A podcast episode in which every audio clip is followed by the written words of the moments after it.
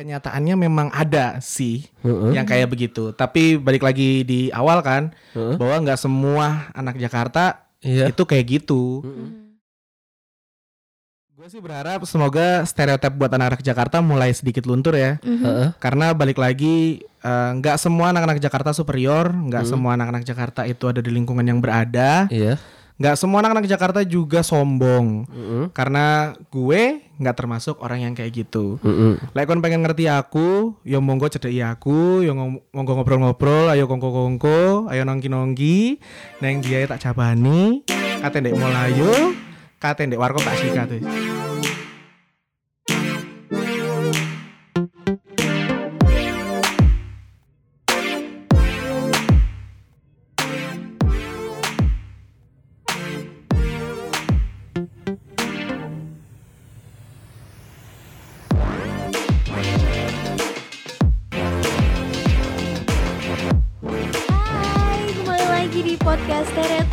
episode ke-12 Dan masih barengan sama Ajeng Rianti dan juga Ya, biasa Ozi Ahmad.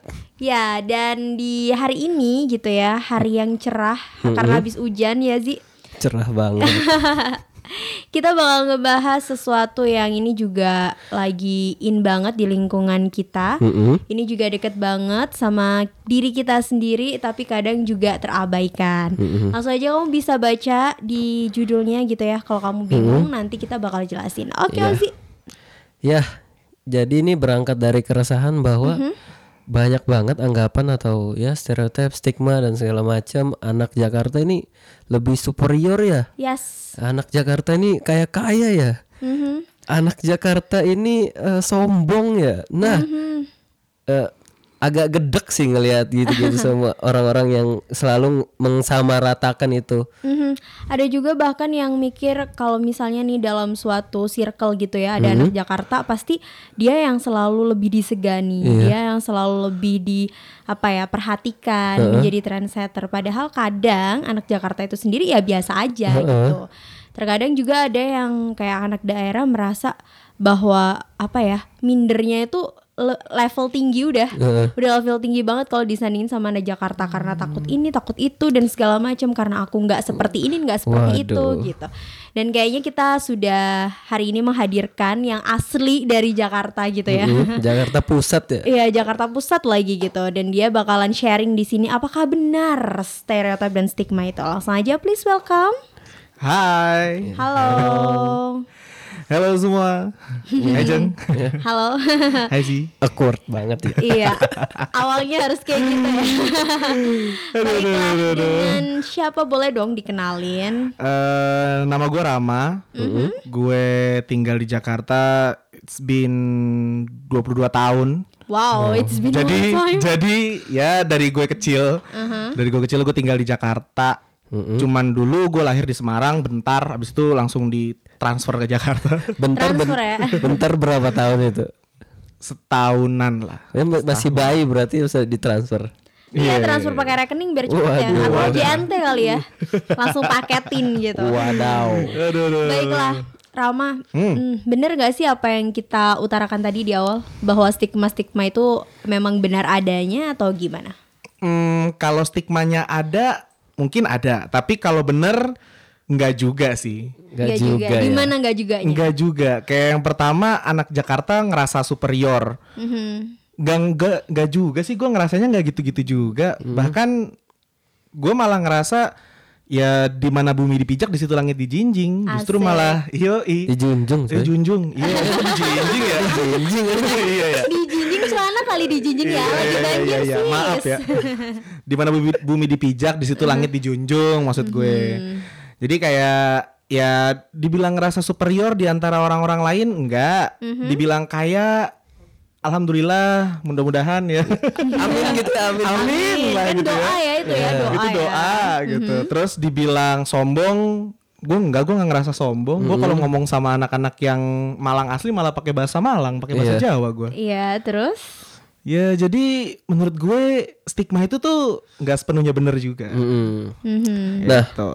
Mungkin bisa berangkat dari apa ya cerita gimana sih kamu awalnya dari dibesarkan dari keluarga yang seperti apa terus sampai ke Malang. Oh gitu. Kalau gue pribadi digedein, juga digedein. Digedein. Apanya yang digedein? Digede. pompa kali ya, di pompa kali ya digedein. Jadi gue dibesarin sama keluarga yang notabene campuran antara Batak dan Betawi. Oke. Ada suku Jawanya sih, tapi ujung-ujungnya mereka lahir di Jakarta, gede di Jakarta. Jadi ya budayanya udah budaya Jakarta banget. Gitu. Jadi ya gue memang dididik sama orang-orang circle yang punya budaya Jakarta asli. Jakarta. Betawi kan. Jadi ya udah gue dididik eh, sama nyokap untuk bisa ya sepa- sebagaimana layaknya seorang anak Betawi. Waduh. Oke. Apa bedanya anak Iya. Betawi dengan anak-anak yang lain? Ya, gue apa? sih ngerasanya lebih harus kenal sama sekitar ya. Kalau dulu gue dipaksanya gitu. Jadi kalau orang-orang Betawi kan biasanya emang suka kenal sama tetangganya yang bahkan jauh. Oh iya. Ya kan yang beda gang aja bisa kenal gitu kan. Sampai beda kelurahan bisa kenal. Waduh. Ya gitu jadinya emang. Jadi harus punya banyak circle. Sosialnya tinggi banget ya berarti ya. Hmm, sosial circle-nya gede banget. Terus habis itu gue sampai SMA di Malang, circle gue rata-rata anak-anak Jakarta yang hedonis. Mungkin gue bilang ya. Jadi ya kalau nongkrong sukanya di mall-mall dan segala macam dan akhirnya gue juga sebenarnya sedikit terbiasa dengan gaya hidup seperti itu. Hmm. Yang kayak dari dari SMP sampai SMA gue lebih sering nongkrong di mall Iya. ketimbang nongkrong di rumah. Tapi waktu SMA mulai agak-agak sedikit eh, ada tambahan sering nongkrong di warnet atau di rental PS. Game As ya. always. Se-Indonesia di warnet. Yes, itu pasti. Berarti eh, travelingnya antara mall ke mall. Yes. mall ke mall dari kalau Iya, zaman trip dulu. mall. Yoi. Kalau zaman dulu nih dekat rumah gue Plaza Kalibata, Mhm. Kota Kasablanka, Senayan City. Udah tuh. Kalau enggak kalau enggak ini Pejaten Village. Oke, berarti kayak ya udah sih muter aja ya di Iya. situ. ya udah di situ-situ aja. Ya gitulah circle gue. Hmm, Oke, itu tadi dari keluarga yang emang asli sana gitu ya. Hmm. Nah, kalau misalnya ke pertemanan anak Jakarta sendiri gimana sih? Boleh nggak sharing? Oke, boleh. Pertemananmu loh ya, pertemananmu sendiri gimana? Kalau pertemanan gue, gue punya banyak circle. Pertama circle dekat rumah. Iya. Yes. Ya kalau circle dekat rumah pasti nongkrongnya di rental PS yang tadi gue bilang ya, rental Oke. PS, warnet, Di main warnet. bola dan segala macam. Tapi kalau udah ke circle gue zaman SMP atau eh, SMP atau SMA, itu mainnya udah mall, bener-bener literally mall dan eh sorry nih mungkin bakalan kaget takutnya. Iya. itu kita kayak emang karena rata-rata circle gue juga cewek, jadi ya gue terbiasa dideketin sama cewek-cewek, gue terbiasa Asik. untuk berada di dekat cewek. Jadi kadang-kadang ya kita kalau ketemuan kan ya gitulah suka cipika-cipiki. Oh gitu. Or maybe ya gagas sedikit berpelukan dan segala macam. Iya, hal yang biasa ya di sana ya. Berpelukan sama teman, Sama teman sih biasa. Biasa Sama kan? sama teman dan sahabat yang udah Iya. deket ya, yang udah deket, bukan orang asing nih. Yes. Masa orang asing tau ditanya Itu kan nggak lucu juga ya. Dibisikin yang sabar ya. Iya. Siapa? Iya, ujian hidup memang sukar adanya. Baiklah. Nah, biasanya tuh ada yang ngomong gitu ya, ada yang suka uh, punya pemikiran bahwa anak Jakarta itu ya tadi ya hedon, terus juga nongkrongnya tuh selalu yang elit. I mean like nggak mau yang di emperan kayak gitu. Terus juga dari style itu bener-bener yang mereka um, well prepare banget kalau mau keluar, memperhatikan banget stylenya. Ini kemarin udah dipakai uh, hari ini kayaknya aku nggak mau pakai ini lagi deh. Bener nggak sih kayak gitu? Kalau gue sih enggak ya, enggak gitu-gitu amat ya. Maksudnya gue, gue selama masih bisa pakai gue pakai deh. Iya maksudnya nggak Gitu dibuang lah. juga kan biasanya ada yang gitu pemerhati juga. gitu. Masa iya sekali pakai buang. Anak sultan. Wah, HP saya baterainya habis. Beli HP baru di mana ya? Waduh. Mobilku mogok, kayaknya harus mampir ke dealer dia beli lagi. Wadaw. Iya iya, gimana gimana gimana. Eh, Dari urusan style dulu deh. Dari urusan style dulu ya. Eh, some of us iya. Mhm. Tapi gue enggak. Karena pertama gue mungkin ini berpengaruh di gender juga kali ya. Kan laki, laki rata-rata emang biasanya lebih cuek ya masalah penampilan. Yoi. Ya yang penting rapih gitu. Nah sementara kalau cewek memang mereka memperhatikan stylenya. Kalau gua udah bergaya seperti ini, masa gua mau bergaya kayak gini lagi? Biasanya kayak gitu. Yang akhirnya menjurus kepada stereotip yang kedua tadi yang rata-rata orang-orang berada. Mhm. Gitu. Padahal sebenarnya ya nggak juga sih. Nggak juga. Saya di tengah-tengah lah. tidak termasuk anak sultan tapi tidak termasuk sobat Miss Queen. Oke.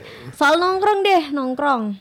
Soal to- tempat tongkrongan yang nggak biasa di emperan tapi mall, nongkrong kafe, Starbucks, apalah itu. Hmm, itu juga termasuk kenyataannya memang ada sih yang kayak begitu. Tapi balik lagi di awal kan bahwa nggak semua anak Jakarta Iya. itu kayak gitu. Kenapa gue akhirnya berbeda sama anak-anak Jakarta yang lain? Kalau gue sih menganggap karena gue punya banyak circle itu tadi, jadi gue bisa membiasakan diri gue untuk masuk circle yang kayak gimana. Mhm. Kasarannya lu mau nongkrong sama gue di emperan, ayo gue jabanin. Lo mau nongkrong di STMJ gue jabanin, lo mau nongkrong di Starbucks gue jabanin asal dibayarin. Ayo gitu. ayo, ada promo? Iya. Oke. gitu. Biasa keluar masuk klub nggak? Kalau gue Wah gila ini dikasih tahu ya. It's okay. Kalau keluar masuk sih enggak, tapi gue masuk pernah lah. Kalau keluar masuk kayak Kalau gimana keluar ya? masuk tuh, eh kalau keluar masuk kan kesannya kayak gue sering banget ke klub gitu kan ya. Kayak jadi rumah kedua. kan banyak banget kan klub di sana, iya nggak sih? Waduh, lu, gue taunya cuma beberapa sih. Oh beberapa. Iya, Kayaknya cuma mainnya kurang beberapa. jauh sih. Hmm, Jakarta luas bos. Oh iya benar. Oke, tapi suka ke klub. Eh jujur gue sih secara personal gue nggak suka klub karena berisik. Hmm. Berarti suka yang hutan yang sepi gitu ya? maksudnya, maksudnya nggak yang segitu juga. Maksudnya nggak yang nggak klub juga, bos, please gitu. Karena Oke. menurut gue, gue juga, ya gue kalau ke klub juga malu-maluin sih ujung-ujungnya ya. Kenapa nggak bisa joget ya? Bukan, mesennya es teh manis. Oh, gitu. Aku kira ini nih jai anget. Wah. Oke. Eh, gitu mhm. lah. Nah, kan ini kamu udah di Malang berapa tahun? Udah tujuh tahun. Tujuh tahun di Malang. Ada nggak sih hal-hal yang apa ya kebiasaan yang anak Jakarta lakuin tapi di sini nggak bisa dilakuin? Oh banyak. Banyak. Contohnya apa? Apa? Salah satunya adalah ini hal yang paling gue bingung. Mm-mm. Kita nggak boleh ngomong bangsat dan sorry nih ya, gue kata Oh, ngomong nggak kasar apa-apa. banget. It's okay, it's okay, nggak Iya. apa-apa. Gue nggak boleh gue nggak boleh ngomong bangsat dan bajingan. Sementara kalian ngomong yang lain ya jancu apa? dan asu dan kiri dan Apa? semua muanya jadi tuh kayak bikin gue bingung lah terus apa bedanya? Kan sama aja ya. Ya kalau kayak kayak anjing kan biasa ya "Wah, anjing emang lu gitu kan biasa emang. Iya. tapi eh, kalau gue ngomong bangsat dan bajingan kok seakan-akan bagi mereka tuh kasar banget ya. Yang gue nggak tahu padahal menurut gue it's the it's same as jancu kan. Jancu kan juga kasar sih. Kayak gitu. Jadi menurut gue emang ya aneh di situ. Terus yang kedua em gue nggak bisa ngomong lo gue lo gue lagi ya sama cewek. Mhm. karena kalau ngomong lo gue sama cewek kok gue rada gimana ya? Baper ya? Karena Aku baper. karena gini karena di Jakarta itu biasanya kan ngomong lo gue. Kalau ngomong aku kamu itu kan untuk orang-orang yang emang udah punya udah pacaran lah Oh maksudnya aku kamu tadi. iya maksudnya aku kamunya sorry sorry Heeh. ngomong aku kamu tuh gue rada aneh gitu loh sama cowok pun aneh sama cewek juga makin aneh gitu Masa baper sama cowok sih anjing. Iya, justru bukan karena bapernya, Bro, karena ngerinya. karena ngerinya itu, cuy. Eh, sementara kalau sama cewek, ya takut baper juga kan, gitu kan. Eh, Aku kamu, aku kamu. Cewek nyamperin gua aku kamu aja gua, wih gila. Udah aku kamu aja nih. Ih, baru apa-apa udah ini Iya. aja nih. kamu namanya siapa? Wadah. Oh, kamu suka makan apa? Wadah. Padahal cuma pengen kenalan sih, Iya, bukan mau PDKT juga. itu Nah. salah satunya juga. Oke, em, masuk ke situ ya. Kan kalau misalnya di Jakarta kan kamu bilang kamu biasa ini apa namanya? Ih, sorry ya ngomongnya kamu nih jadinya ya. Iya. Oke, kalau di Jakarta gitu kan kamu suka tadi kamu bilang nongkrong sama cewek-cewek, circle kamu banyak cewek dan segala macem. Terus kalau misal sama teman dekat, cipika-cipiki, pelukan itu adalah hal yang biasa gitu. Kalau di di sini mungkin nggak bisa dilakuin gitu ya. Ada nggak sih tingkat kebaperi apa sih? Kebaperan. kebaperan gitu yang anak daerah itu jauh lebih tinggi daripada anak Jakarta kalau misalnya di Jakarta karena udah terbiasa melakukan hal yang seperti itu jadi mereka ya fine fine aja kalau di sini mungkin pandangannya kayak ih kayaknya anak ini suka deh sama aku deh Oh, Oh baper gitu. pernah tuh gue. Kebetulan. Jadi kan eh, karena gue lebih banyak temen ceweknya di Jakarta, jadi gue kasarannya tau lah ngetrit mereka gimana. Tau lah apa yang biasanya mereka suka, mereka suka ditreat kayak gimana, mereka suka diperlakukan kayak apa. Yang kadang-kadang sering gue perlakukan ke temen cewek gue di sini di Malang, yang menurut mereka sih harusnya nggak dilakuin sama temen. Paham oh sih maksud gitu. gue? iya iya. Kalau kayak Mhm. eh, kayak misalnya apa ya? Beliin Eh, makan. beliin makan. Jemput. Jemput. Yang menurut gue bagi anak Jakarta sama teman-teman cewek gue sih udah biasa gitu. Gue ngejemput mereka tuh udah biasa banget gitu. Kalau seandainya ada temen cewek gue di Malang minta jemput atau gue inisiatif untuk ngejemput mereka mereka tuh kayak terkesan baper untuk kayaknya Rama suka deh sama gue gitu. Enggak enggak baper sih. Kayak ada indikasi kayak kayak Rama suka deh sama gue. Kalau mereka nggak suka sama gue kan berarti mereka menjauh gitu aja kan ya. Tahu-tahu ngilang aja ghosting. Hilang gitu kan. Iya itu tuh. Atau enggak ya malah jadinya baper yang itu bukan sesuatu yang gue pengenin sih sebenarnya Oke, jadi beliin makan hal yang biasa ya, beliin makan, terus kayak nanyain, eh udah makan belum? Terus ternyata tiba-tiba keluar, baliknya udah dibeliin apa yang dia suka, terus Yes. dijemput itu hal yang biasa gitu ya. gue biasa sih ngelakuin ke teman-teman gue di Jakarta cuman kalau di sini kayaknya gue nggak tahu sih kok jadi baper ya kalau di sini Oke, apa yang berubah setelah itu? Setelah itu berubah gimana maksudnya nih Kayak bahasa kamu mungkin atau karena Oh, iya. pergaulan di Malang yang seperti ini akhirnya kamu juga harus menyesuaikan dan lain sebagainya. ya balik lagi ke konsep gue yang awal sih. Gue berusaha untuk beradaptasi kan sama circle yang baru. Jadi ya gue berusaha untuk berubah tapi nggak langsung drastis. Misalnya gini gue lebih less inisiatif. Maksudnya jarang berinisiatif kalau seandainya mereka memang eh, butuh atau tidak butuh sesuatu misalnya kayak kalau mereka mau makan nih mereka tinggal bilang aja eh lo lapar nggak Eh, kamu biasanya kan kamu ya kalau di sini ya Kamu. kamu lapar nggak? Iya nih lapar. Nyari makan apa? Ya udah ayo gitu. Jadi gue lebih ke nggak terlalu inisiatif sih. Jadi bukan gue yang nawarin, bukan gue yang ngajakin gitu. Jadi lebih menunggu mereka untuk mereka yang ngajak duluan. Iya. Nah, balik lagi ke awal yang soal superior. Hmm. Nah, kamu punya pernah punya pengalaman bahwa anjing ini anak Jakarta ini banget ya gitu. Pengalamanmu pribadi gitu ada nggak? Tentang superior ya? Iya. Yes. Hmm, kalau superior ada sih beberapa kali. Mm. Kalau dari gue secara pribadi ya, ini gue dulu nih. Mm. Jadi kalau dari gue secara pribadi gue ngeras, gue memang sedikit merasa superior tapi bukan dalam hal apa ya? Biasanya kan orang-orang superior masalah kekuatan, masalah karisma, masalah apa segala macam. Kalau gue lebih ke masalah pemikiran, Mm. yang gue ngerasa anak-anak Jakarta jauh lebih liberal atau tolerance, Terbuka. terbuka sama hal-hal yang dalam tanda kutip dianggap nakal, Mm-mm. gitu. Sementara di sini enggak Mm-mm. itu yang gue kadang-kadang ngerasa kayak apaan sih nih orang-orang? Gitu loh. Karena waktu itu gini gue kan pernah nganterin temen gue cewek. Kalau di sini kan ada kosan malam kosannya dari jam malam ya? Iya, ada jam malam. nah gue nganterin dia nih. Nganterin dia pulang tiba-tiba dia diomelin di depan gerbang sama penjaga kosnya. Heh kamu itu perempuan. Kamu itu tuh Bo ya kalau jadi perempuan tuh jangan pulang malam-malam. Kamu itu memangnya mau jadi perempuan kayak gimana sih? Anak-anak Jakarta ini kayak gini sih gitu. Kayak gue kita padahal gitu. padahal Ah, kita, gitu. eh, padahal kita tuh bukan bukan yang abis ngapa-ngapain. Kita tuh abis ngerjain tugas. Emang sampai malam aja kebetulan gitu. Karena memang tugasnya banyak banget. Ya terus dia juga maksa udah nggak apa-apa hajar aja sampai malam. Nanti eh, biar dia yang Ngomong. biar biar dia yang ngomong sama penjaga kosnya. Ternyata penjaga kosnya malah ngomel-ngomel gitu. Nah terus yang kedua ini superioritas dalam hal lain.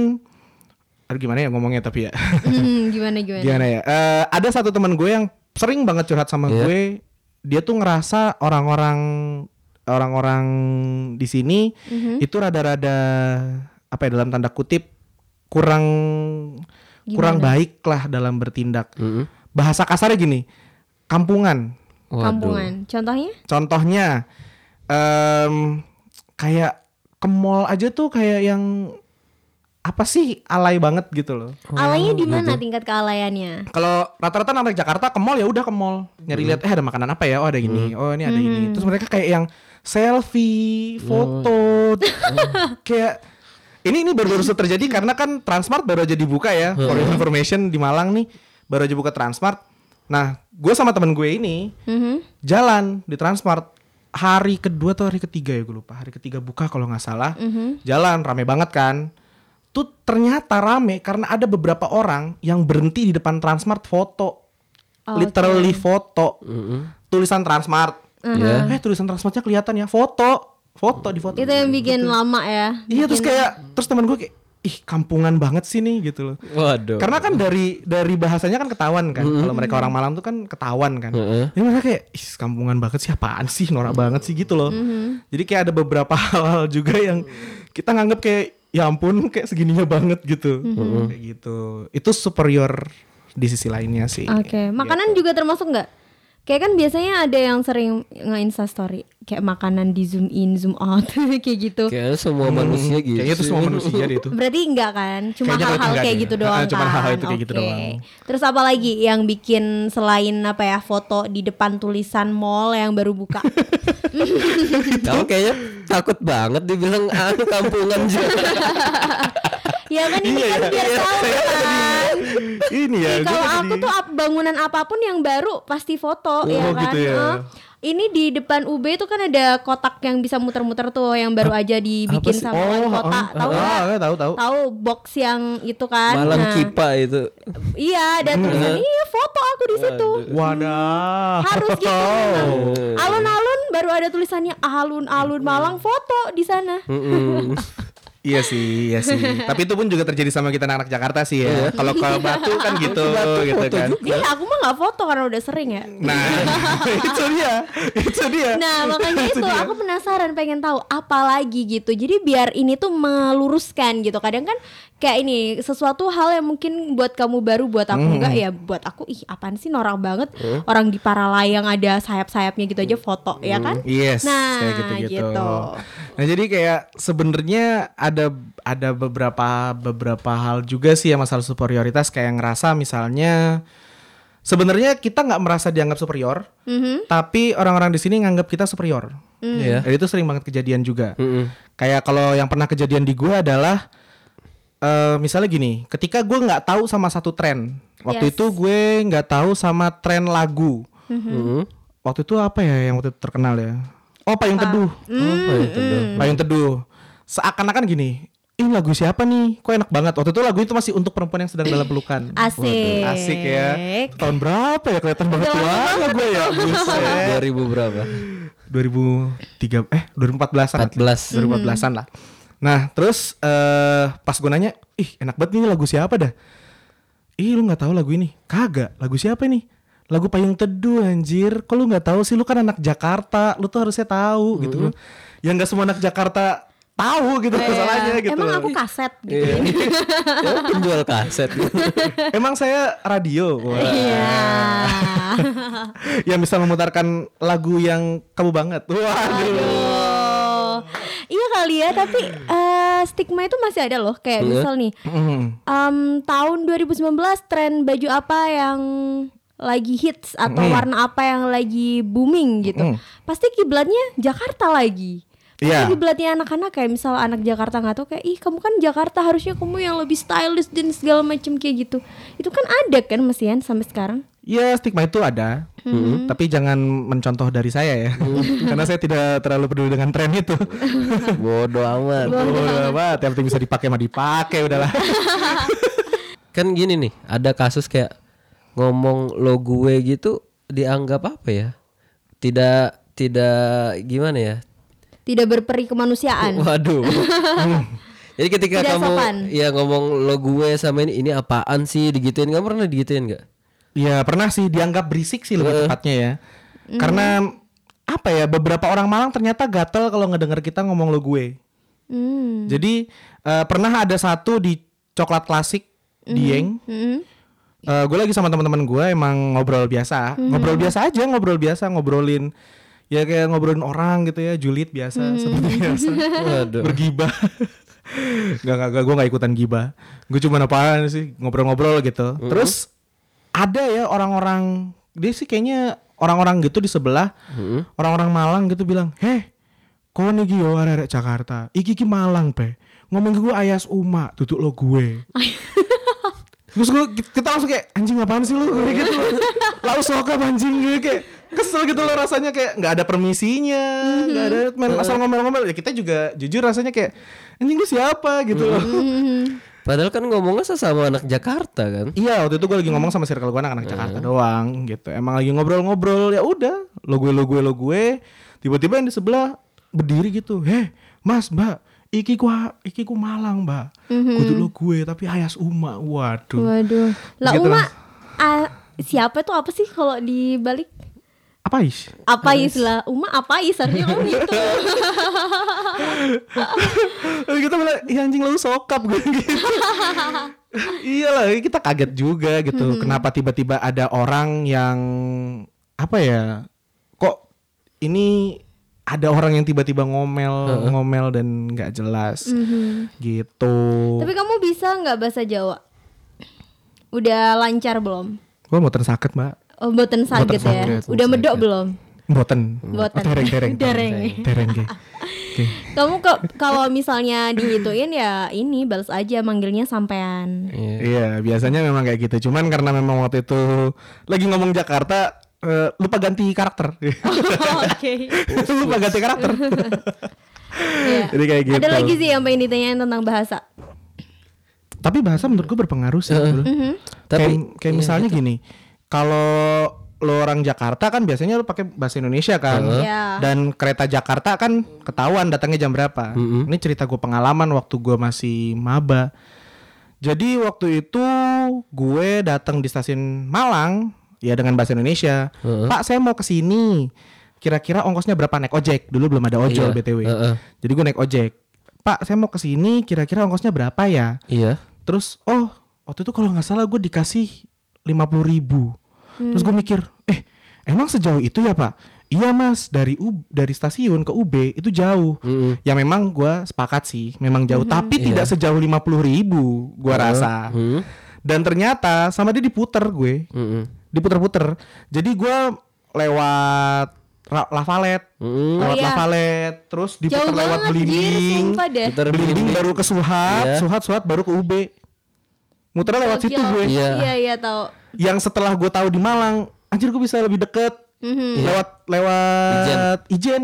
Ijen bisa lebih deket kan kalau ke UB. Dan gue bayar lima puluh ribu. Jadi lu bisa dibohongin ternyata di Iya. sini. Gitu sih itu pengalaman gue masalah Tapi kalau juga. misal menurut aku kalau bahasa itu nggak hanya ini ya, nggak hanya Indonesia atau Jawa, tapi di mana pun kita berada, ketika kita pakai bahasa daerah itu, semua akan jauh lebih mudah. Iya. Iya Untuk sih. beli pun jauh lebih murah, Iya. iya kan? Iya sih. Seenggaknya aku bilang pinten gitu biar Iya. orang apa gitu. pengalaman sih pengalaman dulu aku juga pernah main ke Madura gitu ya ke Madura ngomong karena nggak ngerti mungkin mereka nggak ngerti bahasa Jawa juga ngomongnya pakai bahasa Indonesia. Dan itu kayak beli dulu kan waktu sama keluarga nih beli apa sih terasi atau apa gitu dan itu harganya mahal banget. Ternyata ada omku yang juga bisa bahasa Madura gitu kan. Heeh. eh ternyata harganya cuma dua puluh ribu dong. Kayak wow gitu. Jadi kalau sama orang Madura itu bisa murah. Jadi kan kayaknya di mana pun kita berada kayak gitu kan. Iya, itu kayak oportunis gak sih? Hmm, Kayak kadang orang kalau sudah ngelihat kayak kesempatan gini, ini anjing duit nih anjing. iya sih. Iya sih, bisa bener jadi sih, sih bener, gitu ya. bener. Bisa jadi ini sih gitu. luar kota nih pasti dompetnya tebel nih Iya, iya, iya. Iya Oke. sih. Eh, udah, Udah? cukup yang bahasa nah sekarang kita masuk ke industri kreatif Oke. Em, kenapa sih anak Jakarta ketika build something gitu ya Mhm. Dari perspektif kamu itu gampang banget naiknya dan gampang banget buminya dibanding Iya. anak-anak daerah Nah, iya. Kayak orang bilang anak Jakarta tuh punya privilege khusus buat di industri kreatif ya. Iya. Contohnya mungkin kita ambil podcast deh. Katanya anak-anak yang ki- kita di daerah ini susah banget naiknya. iya heeh. Heeh. dan rata-rata memang pada kenyataannya yang naik anak-anak sana gitu orang-orang sana gitu nah kamu sendiri untuk menanggapi hal ini gimana Mungkin karena di sana tuh apa ya? yang fokus itu produktivitas ya. Hmm. Kalau di sini kan kreativitas, jadi idealisme. Sama kayak misalnya eh apa ya? Kalau podcast sih gue biasanya ngedengerin Adriano Colby. Adriano. Colby itu Jakarta kan ya? Jakarta. Adriano Colby, Adriano Colby kan emang terkenal banget tuh. Heeh. Tapi kalau gue ngerasanya memang karena industrinya lagi naik di situ. Heeh. Sementara di kota-kota lain tertinggal karena orang-orang masih belum tahu apa itu. Hmm. Dan itu emang sering banget kejadian kan. Yes. Misal kayak di YouTube dulu yang pertama kali terkenal gua rasa eh, Skinny Indonesia. gitu. Skin Indonesian 24, Tim Tuan, Raditya Dika. Sekarang udah dari Ricci sama Atta Halilintar. Waduh. Asia. Ya siap sampai Asia Tenggara itu ya. Iyo, i. Nah, Bayu Skak yang notabene satu angkatan menurut gua sama Tim Tuan, terkenalnya lama banget. Hmm. Karena memang eh, orang-orang nggak tahu gitu loh. Iya. Sama yang namanya YouTube tuh masih belum tahu. Mereka belum tahu kalau ada konten YouTuber yang bisa mereka nikmatin tuh belum tahu. Mereka pahamnya kalau ke YouTube itu nonton video apa yang gua pengenin. Yes. Zaman dulu, misalnya kayak gue mau nyari apa ya video apa ya, eh, Tutorial. tutorial apa gitu. Ya udah, dia dapat video tutorial. Tapi mereka nggak tahu kalau ada konten-konten kreator YouTube pada saat itu. Bahkan menurut gue YouTube di Malang itu mungkin baru masuk kayaknya 2012 deh, 2012 2013 kayak gue rasa. Pokoknya jauh lebih terlambat lah daripada Hmm, di Jakarta. Jauh lebih terlambat daripada di Jakarta. Yang pada saat itu tim Tuan sudah memiliki 800 ribu subscriber, sementara Bayuskak 80 ribu subscriber. Bedanya jauh banget sih. Bedanya jauh banget gitu. Jadi ya untungnya sekarang Bayuskak sudah mulai merambah ke Jakarta dan Iya. perfilman. Jadi Karena emang keren banget sih menurutku banyak sih gitu. Bisa ngangkat film yang bahasa Jawa ya. Berani banget.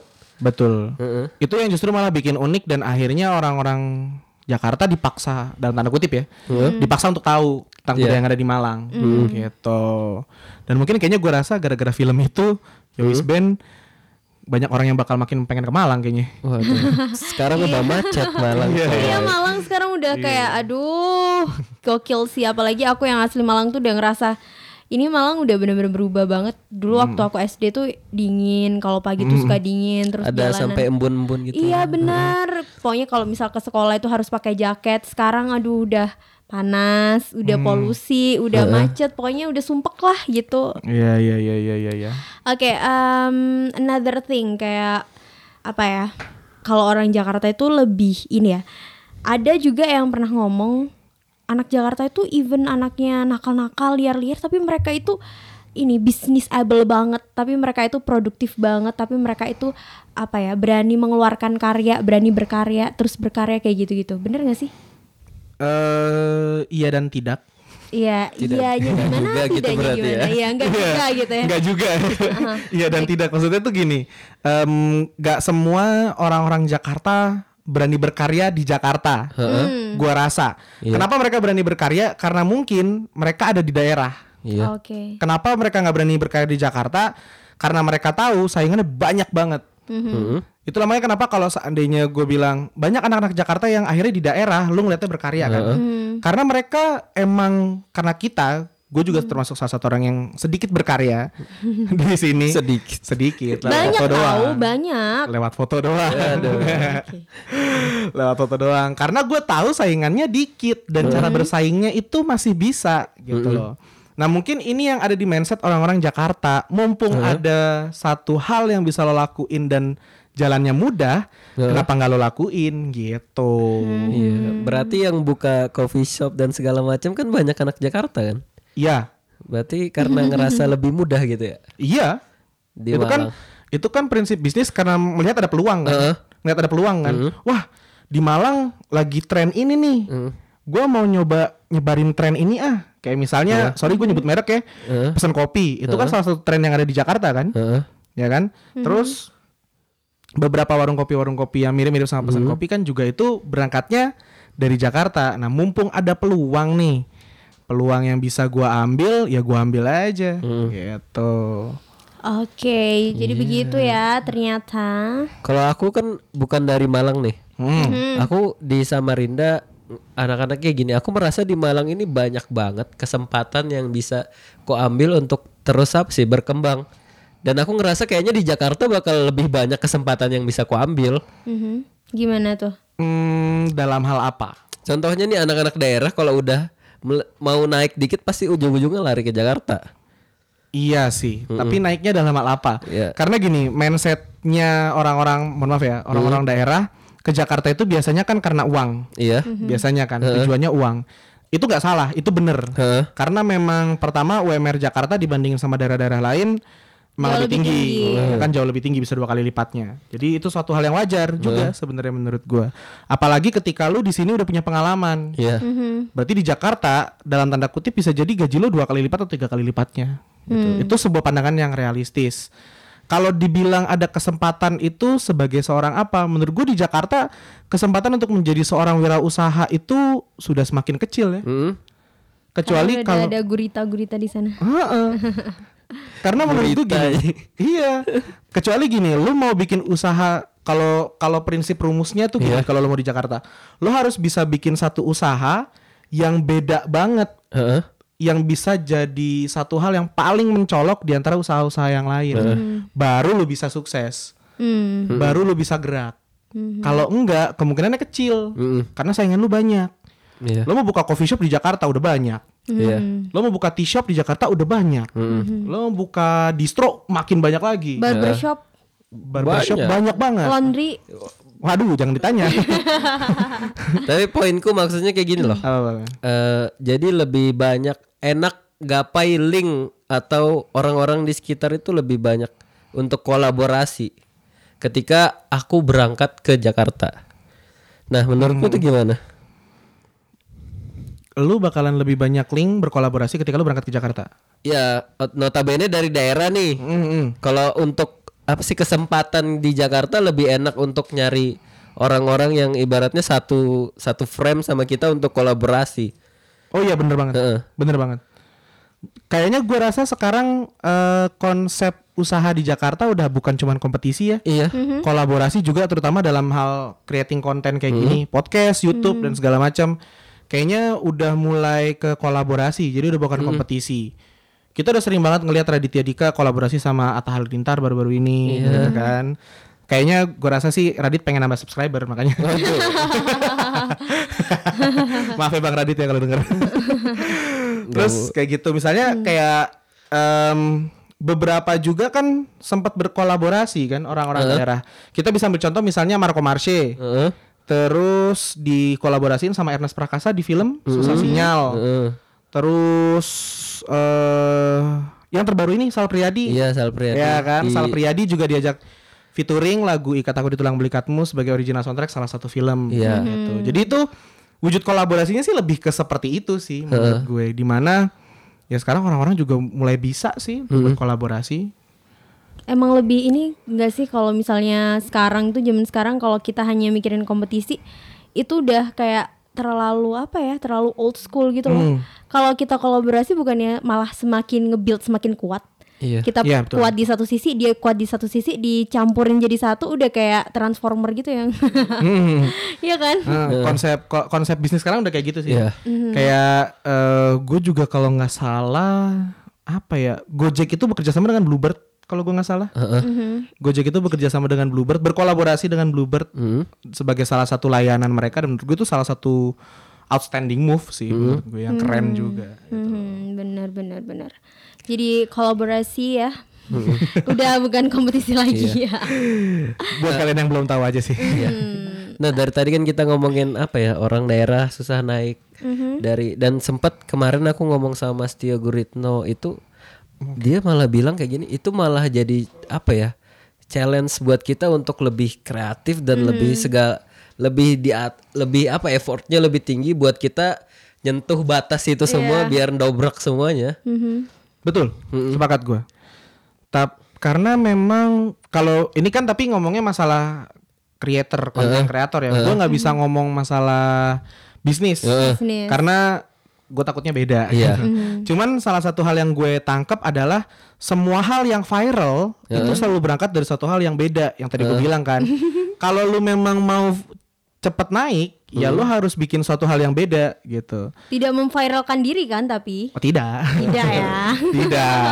Misalnya lu pengen ngebahas tentang satu hal yang ada di Malang dan lu pengen ngangkat itu, menjadikan itu satu hal yang beda dari cara pembahasannya, dari topiknya atau apanya sehingga orang-orang akan notice oh yang ini beda ya karena orang-orang akan lebih notice sama yang beda ketimbang yang lebih baik Hmm, gitu I see. paham maksud gue Iya paham. gitu. Iya.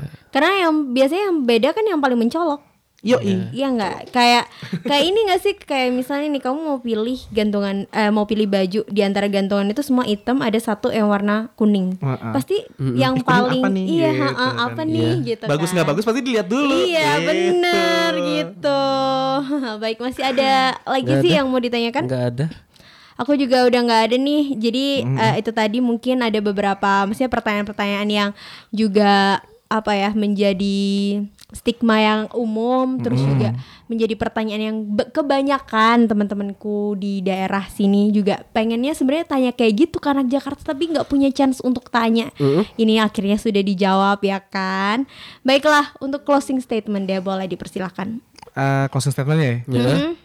Gue sih berharap semoga stereotip buat anak-anak Jakarta mulai sedikit luntur ya. Heeh. karena balik lagi eh, nggak semua anak-anak Jakarta superior nggak semua anak-anak Jakarta itu ada di lingkungan yang berada. Iya. nggak semua anak-anak Jakarta juga sombong. Karena gue nggak termasuk orang yang kayak gitu. Kon pengen ngerti aku, yo monggo cedeki aku, yo ngom- monggo ngobrol-ngobrol, ayo kongko-kongko, ayo nongki-nongki, neng dia tak jabani, kate ndek molayo, kate ndek warkop tak sikat wis. Asik. Bedal tok. eh. Yes. Dato es. Dato wis. Kuilah.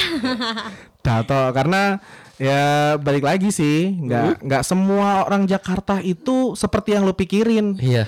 Justru banyak orang-orang yang Jakarta sekarang yang mulai belajar budaya Malang, Budaya budaya Malang ya. budaya, lu, gitu budaya di kota Malang tuh kayak gimana sebenarnya. Tapi terlepas dari bahasa, karena kita tahu bahasa tuh susah, Iya, karena udah habit, Mm-mm. udah kebiasaan. Heeh. kayak gitu. Tapi seenggaknya kita belajar tentang tata krama dan tata Iya. budaya yang ada di kota Malang. Mhm. Begitulah sobat stereotip. Cia. Iya. Asik, sobat. Kok jadi sobat stereo? Begitu. Gokil sih, eh, seru banget. Jadi setidaknya kan udah banyak hal nih yang udah apa ya, ibaratnya digamblangkan secara gamblang gitu. Oke Ozi, sebelum kita benar-benar tutup, benar-benar tutup, ada yang mau disampaikan?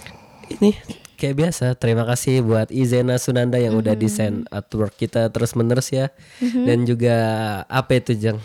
Dan juga thank you banget buat Ubi Radio House Production yang udah eh, bikin kita, bikin kita apa ya? Support. yang sudah iya yang sudah support kita untuk bikin podcast ini dan yang pasti aku mau ingetin lagi buat kamu yang pengen kisahnya juga di blow up di podcast kita. atau mungkin kamu pu- punya sesuatu yang pengen kamu sharein tapi kamu nggak tahu di mana kamu bisa share di sini. Langsung aja kamu bisa tulis itu ya cerita kamu Iya. dalam bentuk sinopsis gitu ya singkat di email kita langsung kirim di podcast stereotype at gmail.com Nah, aku juga mau apa ya? Terima kasih buat teman-teman yang udah DM, yang udah support terus menerus. Ya, kalau nggak ada kalian kita nggak bakal lanjut terus gitu ya sampai sekarang. Iya bener banget Aku juga sempet terharu banget buat yang nggak kenal stranger gitu ya Tapi ternyata mereka appreciate sama podcast ini Terus juga mereka DM apa ya eh, Mendukung Iya. Terus juga mereka bener-bener suka ternyata sama pembahasannya Heeh. Dan itu bikin kita terus pengen bikin setiap minggunya pengen selalu up dan yang pasti itu juga eh, menjadi suntikan ya Zi ya Iya. buat kita buat terus berkarya kayak gitu. Iya, ya thank you banget buat Rama ya. Ya, thank you udah mampir-mampir. Thank you juga ini- buat kalian berdua semangat terus buat stereotip Iya. karena terima kasih juga udah ngasih uh, pandangan gue. Hmm, siap. Oh iya, Rama katanya ada podcast juga. Hah? Ada Gue? podcast juga. Iya, Jangan boleh. dulu lah. Oke. Kirain mau promo. Tahu engagementnya nambah. Nah. iya, benar. Jangan. Oh, jangan ya. Jangan. Belum dulu kali ya.